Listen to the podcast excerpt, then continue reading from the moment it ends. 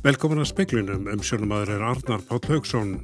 Enn er hættust í á seyðistyrði og í kaldakinni í þingaði sveitu og búist við aukinu úrkoma á þessu svæði kvöld. Ekki voru allir íbúa skráður í þeim húsum sem að rýma þurft á seyðistyrði.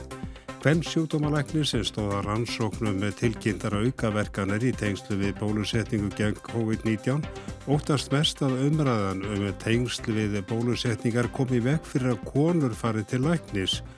Erlendum ferðamönnum verður heimilt að koma til Indlands að nýju frá meðjum oktober. Landamærin hafa mestu verið lókuð í halvt annað ár.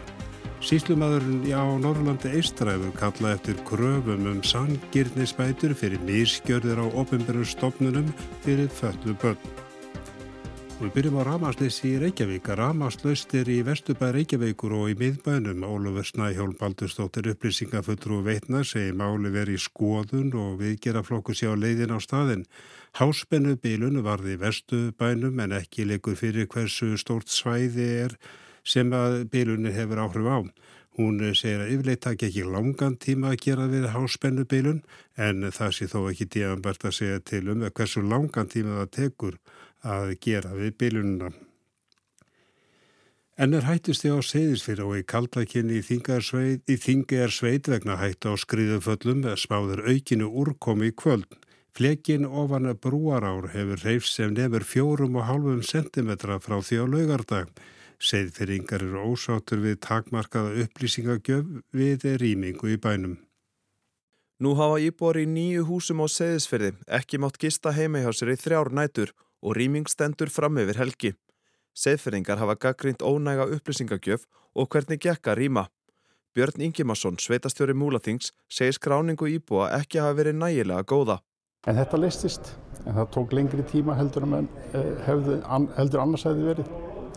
Þannig að það sem verður gert núna er að einmitt að fara vel yfir þessa, þessa íbúaskák hvort að hún sé ekki rétt því að við þurfum að gera ráð fyrir því að, að það munu verða einhverja rýmingar áfram og þess vegna er mikilvægt að þessar upplýsingar séu og eins ef að, að húsægjandur sko leia húsin að koma þessum upplýsingum til sveitafélagist. Það skiptir verulegum mál.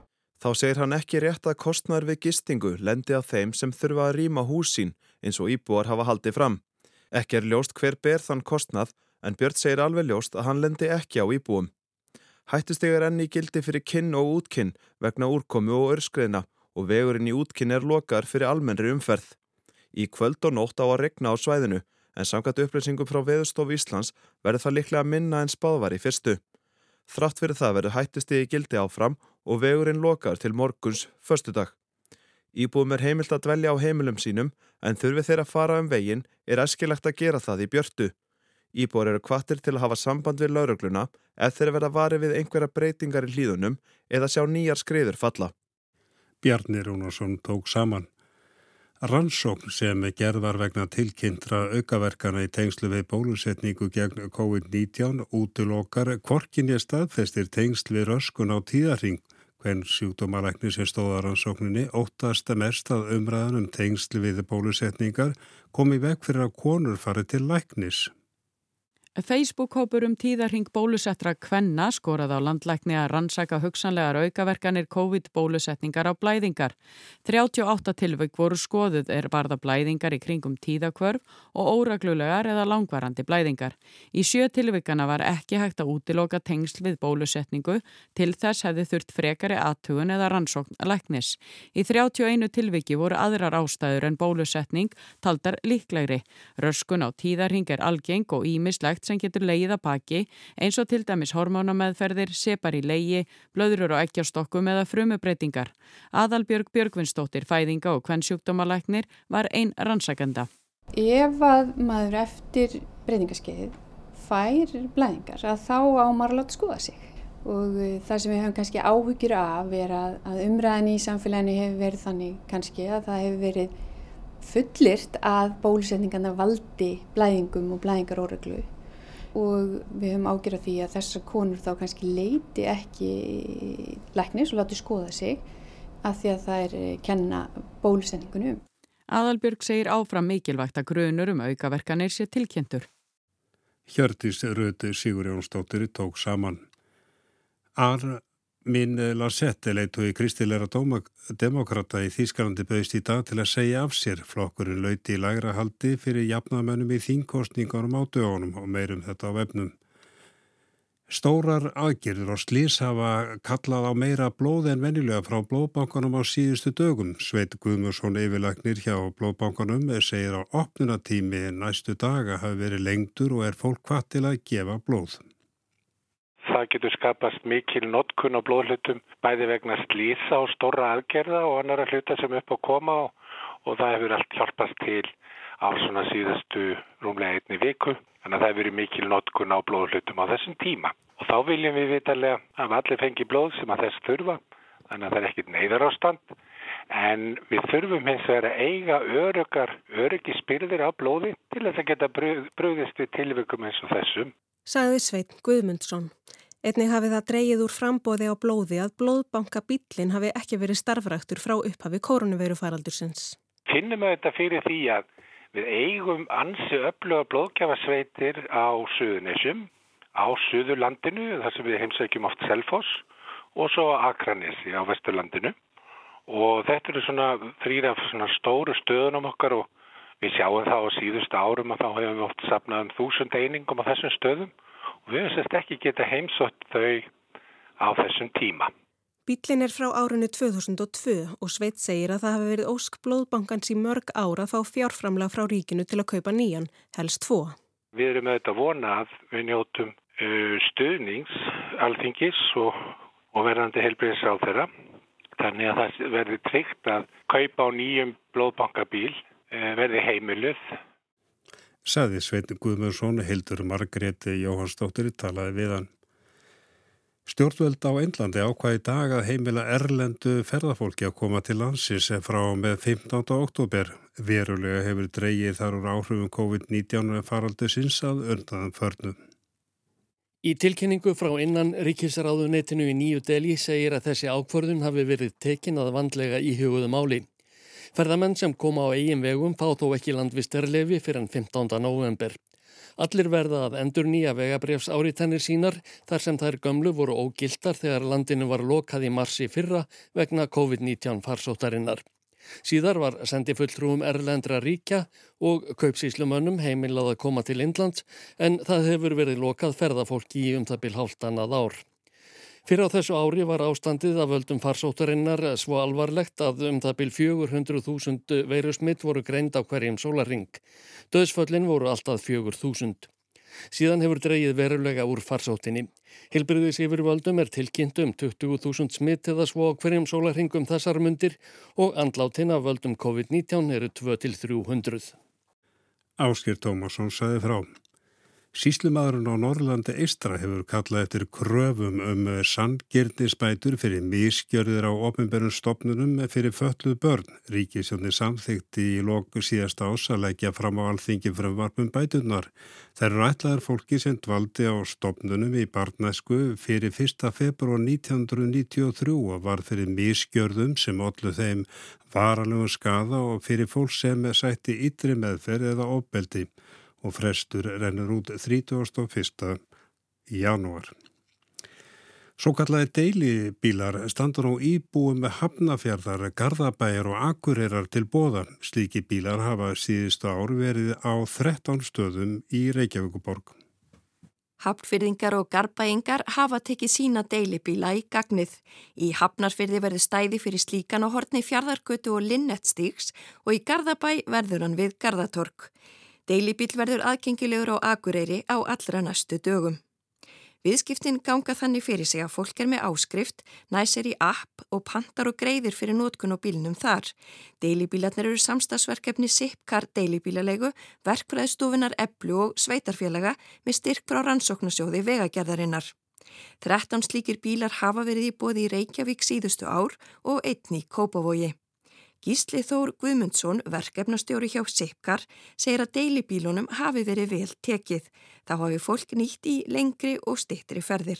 Flesti nýta sér þetta bara í stuttar innan hvaða ferðir, taka stræt og einhvern stað og svo nota þær bílinn til þess að fara út í búð, vestla, fara svo tilbaka með dóti heim og skýra fyrir bílum.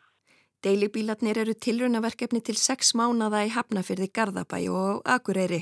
Á meðan rannsakar ebla ferðavenjur og viðhor fólks. Deilibílar eru í nótkun í löndum viða um heim og segir í tilkynningu frá Hafnafjörðarbæ að þeir geti leikið stort hlutverk í vegferð fólks sem vilji sleppa því að eiga enga bíl. Dagni Hulda Erlendstóttir tók saman og rætti við Gísla Þór Guðmundsson.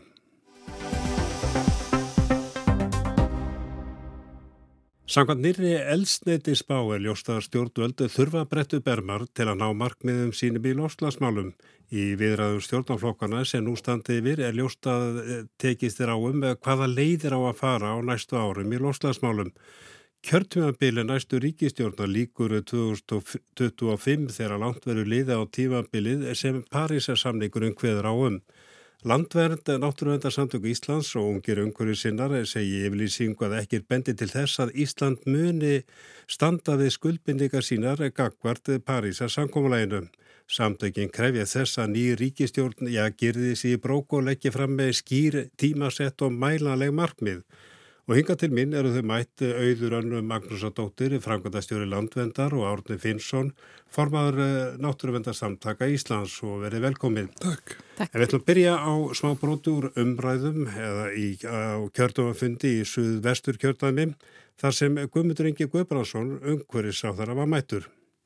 En ég spyrði bara, er við reynlega enn aftarlega á merinni þegar kemur að því að ná markmiðum um samdrátt í losun þarf ekki núna að taka einhverjar erfiðar ákvarðanir sem býta? Já, ég vil nú menna að við höfum algjörlega snúið bladinu við á þessu kjörtímabili í lofslagsmálunum. Er það rétt? Já, það er rétt. Og þetta var eh, Guðmundur Ingi Guðbránsson og hinga hjá, hjá, hér hjá mér er eh, auðura Önnu Magnúsdóttir og Árni Finnsson. Já, ég spyr ykkur, þið eru ekki sammálar á þeirra? Nei. Nei, við erum það ekki. að, eh, og þið segið beint út að síðustu fjögur ár hafi verið ófulllegandi og einkennst af hálkáki. Hvernig getið staðið þetta? Það er virkilega rétt hjá uh, umhverfisir á þeirra að það var ekki mikið gert í lofslagsmálum af fyrir ríkistjórnum. Hins vegar má ekki gleyma því að ríkistjórnum sem var á undan uh, hinn, þeirra ríkistjórn sem er að fara frá, hún var byrjuð að taka mjög alvarlega á lofslagsmálum e, og það var komin aðgerra á allum 2013 sem var bara ekki farið eftir. E, það að miða sér við hérna, status quo og þegar eru yngar aðgerðir það er bara ekki, ekki í bóði þegar ástandið er svona alvarlegt. Þá þarf að koma fram með aðgerra á allum sem að gerir virkilegar kröfur á stóra atvinnuvegina.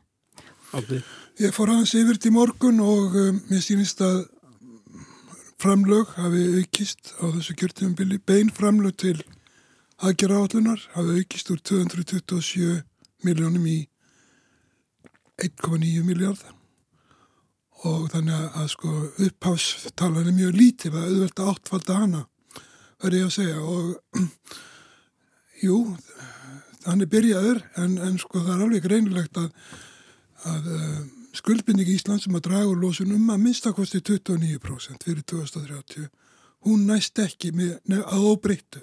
Það verður að slá veruleg í klárin ef, að, ef það var nást. En getum ekki sagt að því séu kannski að, að mála skrattan á veginn? Eh, nei, við Við reyndar komum fram á, á fundi í júni í fyrra eftir að aðgerðaðallan kom fram og sögðum nákvæmlega þetta. Fósittundan er veikar. Nú er komin fram elsnettisbá og nú er komin fram uh, stöðuskísla aðgerðar áallurinnarinnar og þegar við tökum þessi gögg saman þá sjáum við bara svart á kvítu að þetta dögir alls ekki til. Það eru bara tölur sem segja það. En við förum aðeins yfir að því ég var nú að blanda þessum kjörnafundi inn í hérna, þessi mál og þar var meðlans það rættum uh, Já, lofslagsmálinn og það má kannski einhver leiti segja að flokkandir fyrir kostningar hafi kest við að eh, svona, já, eh, ná sér lengst í samdrætti og þar hafa nefndur 60% af samdráttur og allt upp í 70%. En í þessu tilfelli er verið að tala um 29% af samdrátt í því sem að já, stjórnveld bera árangur ábyrð á. En eh, já, skýrið þetta hefst nánar út að eh, það er ekki enþá byrjað að tala um þessi 55% sem að Európa-sambandið hefur þegar tekið ákvörðun um að stefnað. Nei, það er bara sagt að Ísland verið samflóti með Európa-sambandið núri en það hefur ekki verið samið um eða það hefur ekki verið komist að niðurstöðum hver hlutur Íslands verður. Umhverfisraður hefur sagt að hann ætti að vera að minnst okkurstu 40% og vonandi verður það að minnst okkurstu en ég held að, að sko, sem flokkarnir sögðu fyrir kostninga það var allt gott og gilt.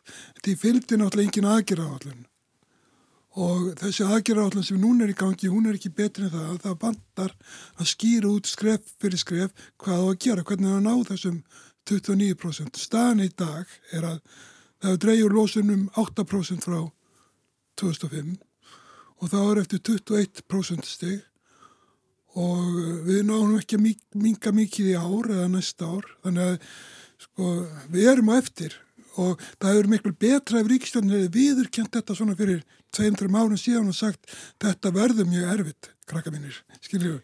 En kannski þetta æra ástuða með að tala um þessar tölur, þessar brósutu tölur, en þetta er 29%, 40%, 55% og svo lofur þau alltaf 70% samdrátt, mm. en þið nefnið ykkar, já, kröfum, kakvarnir í ríkistjórn, já, 55% af markið, já, auður, sér þú fyrir þér já, hver, það, það er að slá þessu fram með hvernig, allir, hvernig er hægt að gera það fyrir 2030?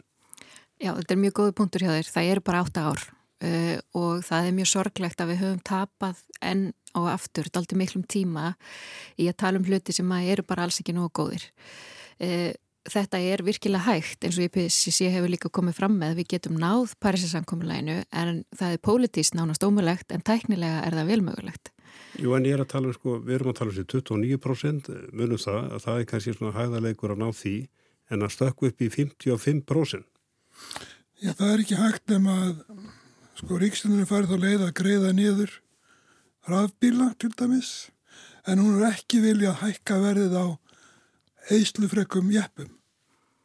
Það verður að gera og það verður náttúrulega að flýta þessari, þessum tíma þegar að hætta að flytja inn bensin og dísilbíla. Það verður að flýta því um að minnskosti fimm ár.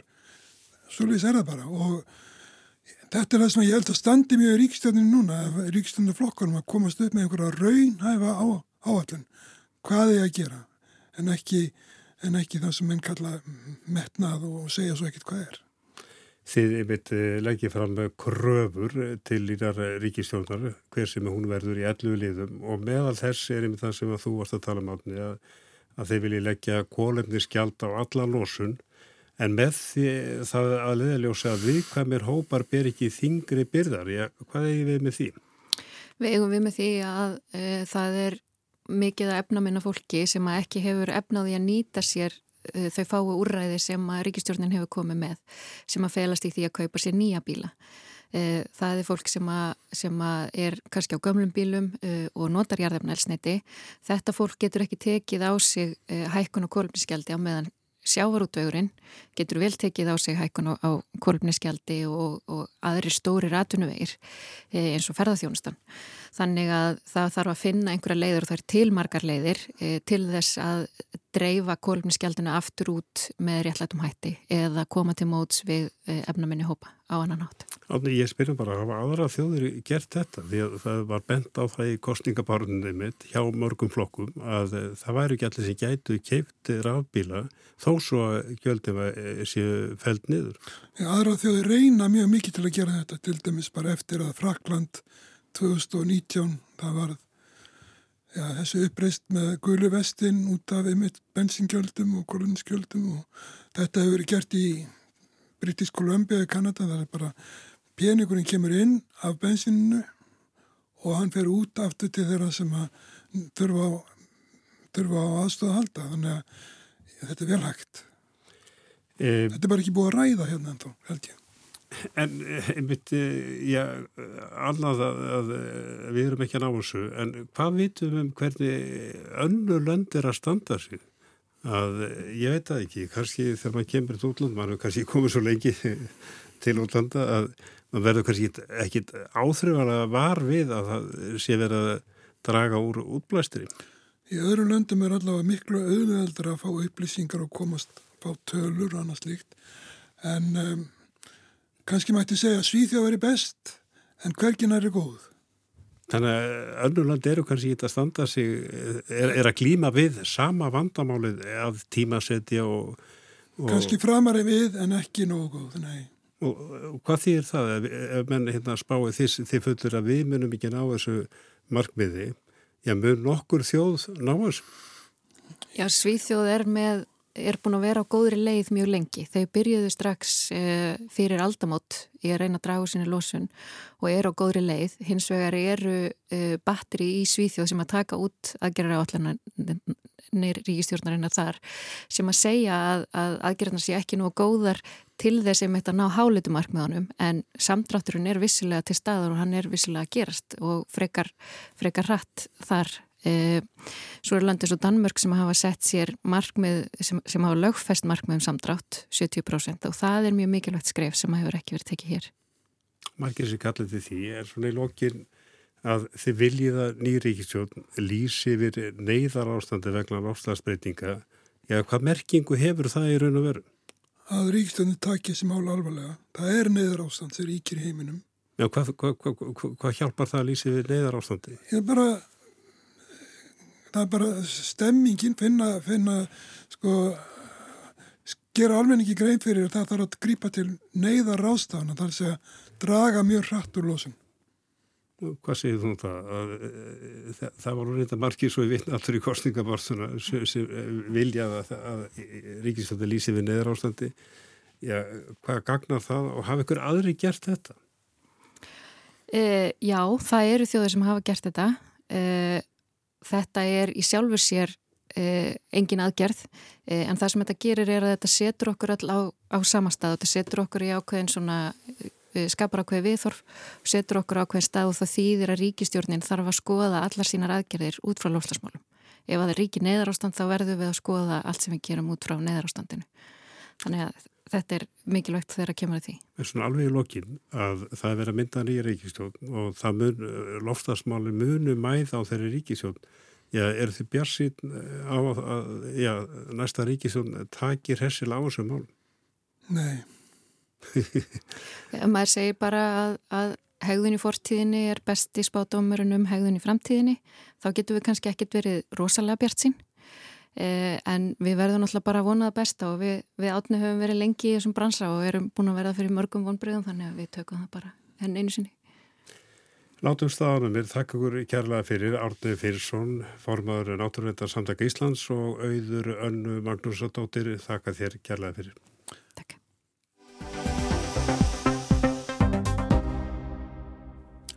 Flokkstingi íhalsflokksins í Brellandi lauki í gær með hlátrasköllum undir hessilegri ræðu Borisa Jónsson, fórsetistar á þeirra og eh, flokksleittóa. En fórsetistar á þeirra nefndi korki vanda eins og vör og elsniti skortni að einmitt í gær voru félagslega bætur skertar. Bæði einan flokksins og utan veltamenn fyrir sér hvort kjósendur meðtæki bjart sínistal fórsetistar á þeirrans. Víðum Bredland og þó einni í Manchester þar sem flokksþing íhalsflokksin stóð í vikunni voru tómar bensinstöðvar það vantar bílstjóra í útkerslu. Inni í ráðstefnuhöllinni var elsneiti skortur, annar vöruskortur og skortur á vinnuafli þó ekki vandamálið. Bredlandið hans Borisa Johnsons forsætsráþara er betri útkáfa af Bredlandi sem að sög forsætsráþara er nú á þröskuldi nýs upphafs eftir veirufaraldur og brexit Ekkert um það að íhjálpsflokkurinn hefur reyndar verið í stjórn síðan 2010, Johnson um hríð utaríkisráð þeirra í stjórn Theresa May. Nú á að endurbyggja Breitland betur, build back better, eins og stóða á ræðustól forsætsráð þeirra á flokkstinginu í gær. Forsætsráð þeirra skemmti sér við að spinna þessi orð með ímsum hætti í ræðunni og hafði reyndar líka gert það fyrir ræðuna til að útlista hvað endurbyggingin þýtti. Mmm. Mmm. Build back better. Stutt klipp á Twitter þar sem Johnson opnar pakka með djúbstektum fiski og frönskum, fish and chips og leikur sér að orðinu batter, deginu sem fisknum er dýft í fyrir djúbstekingu. Sama með að smyrja brauð, build back butter, orði fyrir smjör. Rakalusar setningar nema með þeim rökum að forsætsráðara hefur gaman af orðaleikjum og nýttni. Ákus varnar samflót Breitlands, Bandaríkjan og Ástralíu sem Johnson taldi sínu brexitaða Breitlandi til tekna er svo augljóslega góð hugmynd að verkamannaflokkurinn greiti atkvæði gegn ákus sem hefði víðar valdið uppistandi, sagðan. an idea so transparently right that Labour conference voted overwhelmingly against it. And I, I know there has been a certain raucous caucus from the anti-AUKUS caucus. Johnsonskur orðaleikur sem skemmti þingheimi. En þetta var ekki allt glens og gaman, vöru skortur og önnur vandræði sem settu svip á þjóðlífið dagana fyrir flokksþingið reyndar ekki nefnt. Þessi stað var þessum ógóðu aðstæðum snúð upp í að viðskiptalífið hefði notað ódýrt evróst vinnuab til að lækka laun. Nú væri nýbyrjun lokað á aðflutning og fjarfest þessi stað í fólki, tækjum og tólum til að bæta lífskjörin. That is the direction in which this country is going now, towards a high wage, high skill, high productivity and yes, thereby a low tax economy. Það er átti núna, saði fórsætsráður að halda uppi hagkerfi með háum launum, þekkingu og hári framleiðni til að skapa láskatta hagkerfi. Bóðskapurinn vekur nokkra skjelvingu í atvinnulífinu, há framleiðni sprett ekki af háum launum, heldur þurfi framleiðnu aukningu til að hækka laun. Haldi laun áfram að hækka af því það vantar vinnuafl og ráefni leiði það til verbolgu sem þegar eru merki um. Í leiðar í Financial Times í dag er bent á að með veika stjórnaranstöðu verkamannaflokkin í dróma geti stjórnin kent atvinnulífinu um það sem aflaga fer. Á því get hún grætt til skamstíma en til lengri tíma sé uppbyggilegra að líta á atvinnulífið sem félaga í því að bæta lífskjörin. Einmitt í gær þegar Johnson hjælt lokaræðu sína afnam stjórnin skamtíma viðbót við félagsbætur til lálaunafólks upp á 20 pund á viku um 3500 krónur. Margir íhjálpsþingmenn hafðu áranguslaust beði stjórnina um að halda þessu framlægi. Þetta er högg fyrir þær 4,5 miljón fólk sem hefur notið þessara bóta. Forsætsráð þeirra nefnd ekki þessa breytingu í ræðu sinni. Íhalskonan Filippa Strátt á sæti í lávaradildinni. Hún sagði vikunni að með afnámi bótana fari 840.000 brettar undir fátaktarmörkin og vill láta greiða atkvæði í lávaradildinni um afnám bótana. Það hefur ekki bein áhrif önnur en að styrkja andofið gegn þessari breytingu bæði innan og utan íhalsflokksins. Um þessar myndir sínir BBC heimildathætti um kostningasigur verkamannaflokksins 1997 þegar Tony Blair og félagar hans hafðu endurmótað flokkin. Af kostningaósigri flokksins 1992 lærði Blair meðal annars að kjósendur þyrð ekki að kjósa verkamannaflokkin. Blair upprætti þessa hræðslu. Sem stendur hræða innanflokks erjur verkamannaflokks Kýr Starmers kjósendur flokkurinn of máttlítill til að vera sannfarandi stjórnumflokkur. Boris Johnson hefur haft orð á sér fyrir að skilja fólk eftir að hlátrasköllin þoknuðu heyrðist víða hvort að væri réttur skilningur á aðstæðum í þjóðfélaginu að nefningi vandan sem margir glíma við þessa dagana. Þetta að ná endum saman, fyll á bílin eða áhyggjur atvinnureikenda af aðföngum. Eða hvort fórsætsráð þeirra hafi verið of upptekinaði í flokkstingsræðunni að skemta salnum sem þegar dáir hann. Og það var Sigrún Davíðsdóttir sem að saði frá og í lokin lítið við til veðurs austan og norðaustan 13 til 23 metrar á sekundu, kvassast norðvestan til rigning í flestum landslutum og viða talsverð úrkoma, engum söðaustalands. En það snýst í söglæri vinda í kvöld og nótt og rofar til fyrst síðst. Suðaustan 5 til 13 og rigning með köplum á morgun en norðaustan 10 til 18 á vestjöðum kvassast á Annesjum.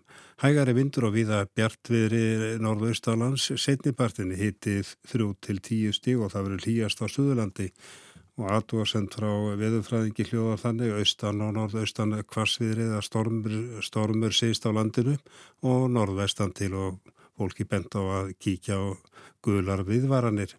En það var helst í speiklunum að NR hættust á Seyðisfyrð og í kaldakinni í Þingiða sveit og búist við aukinu úrkomi á þessu svæði svæðum í kvöld. Ekki voru allir íbúar skráður í þeim húsun sem er ímaþurti á Seyðisfyrði. Og hvern sjóktómalæknir sem stóða rannsóknum eh, tilkynntar aukaverkanir í tengslu við bólusetningu gegn COVID-19 óttast mest að umræðanum tengslu við bólusetningar komi vekk fyrir að konur farið til læknis. En það er ekki fleira í speiklunum í kvöld, tæknum að var marka eldrið verið sæl.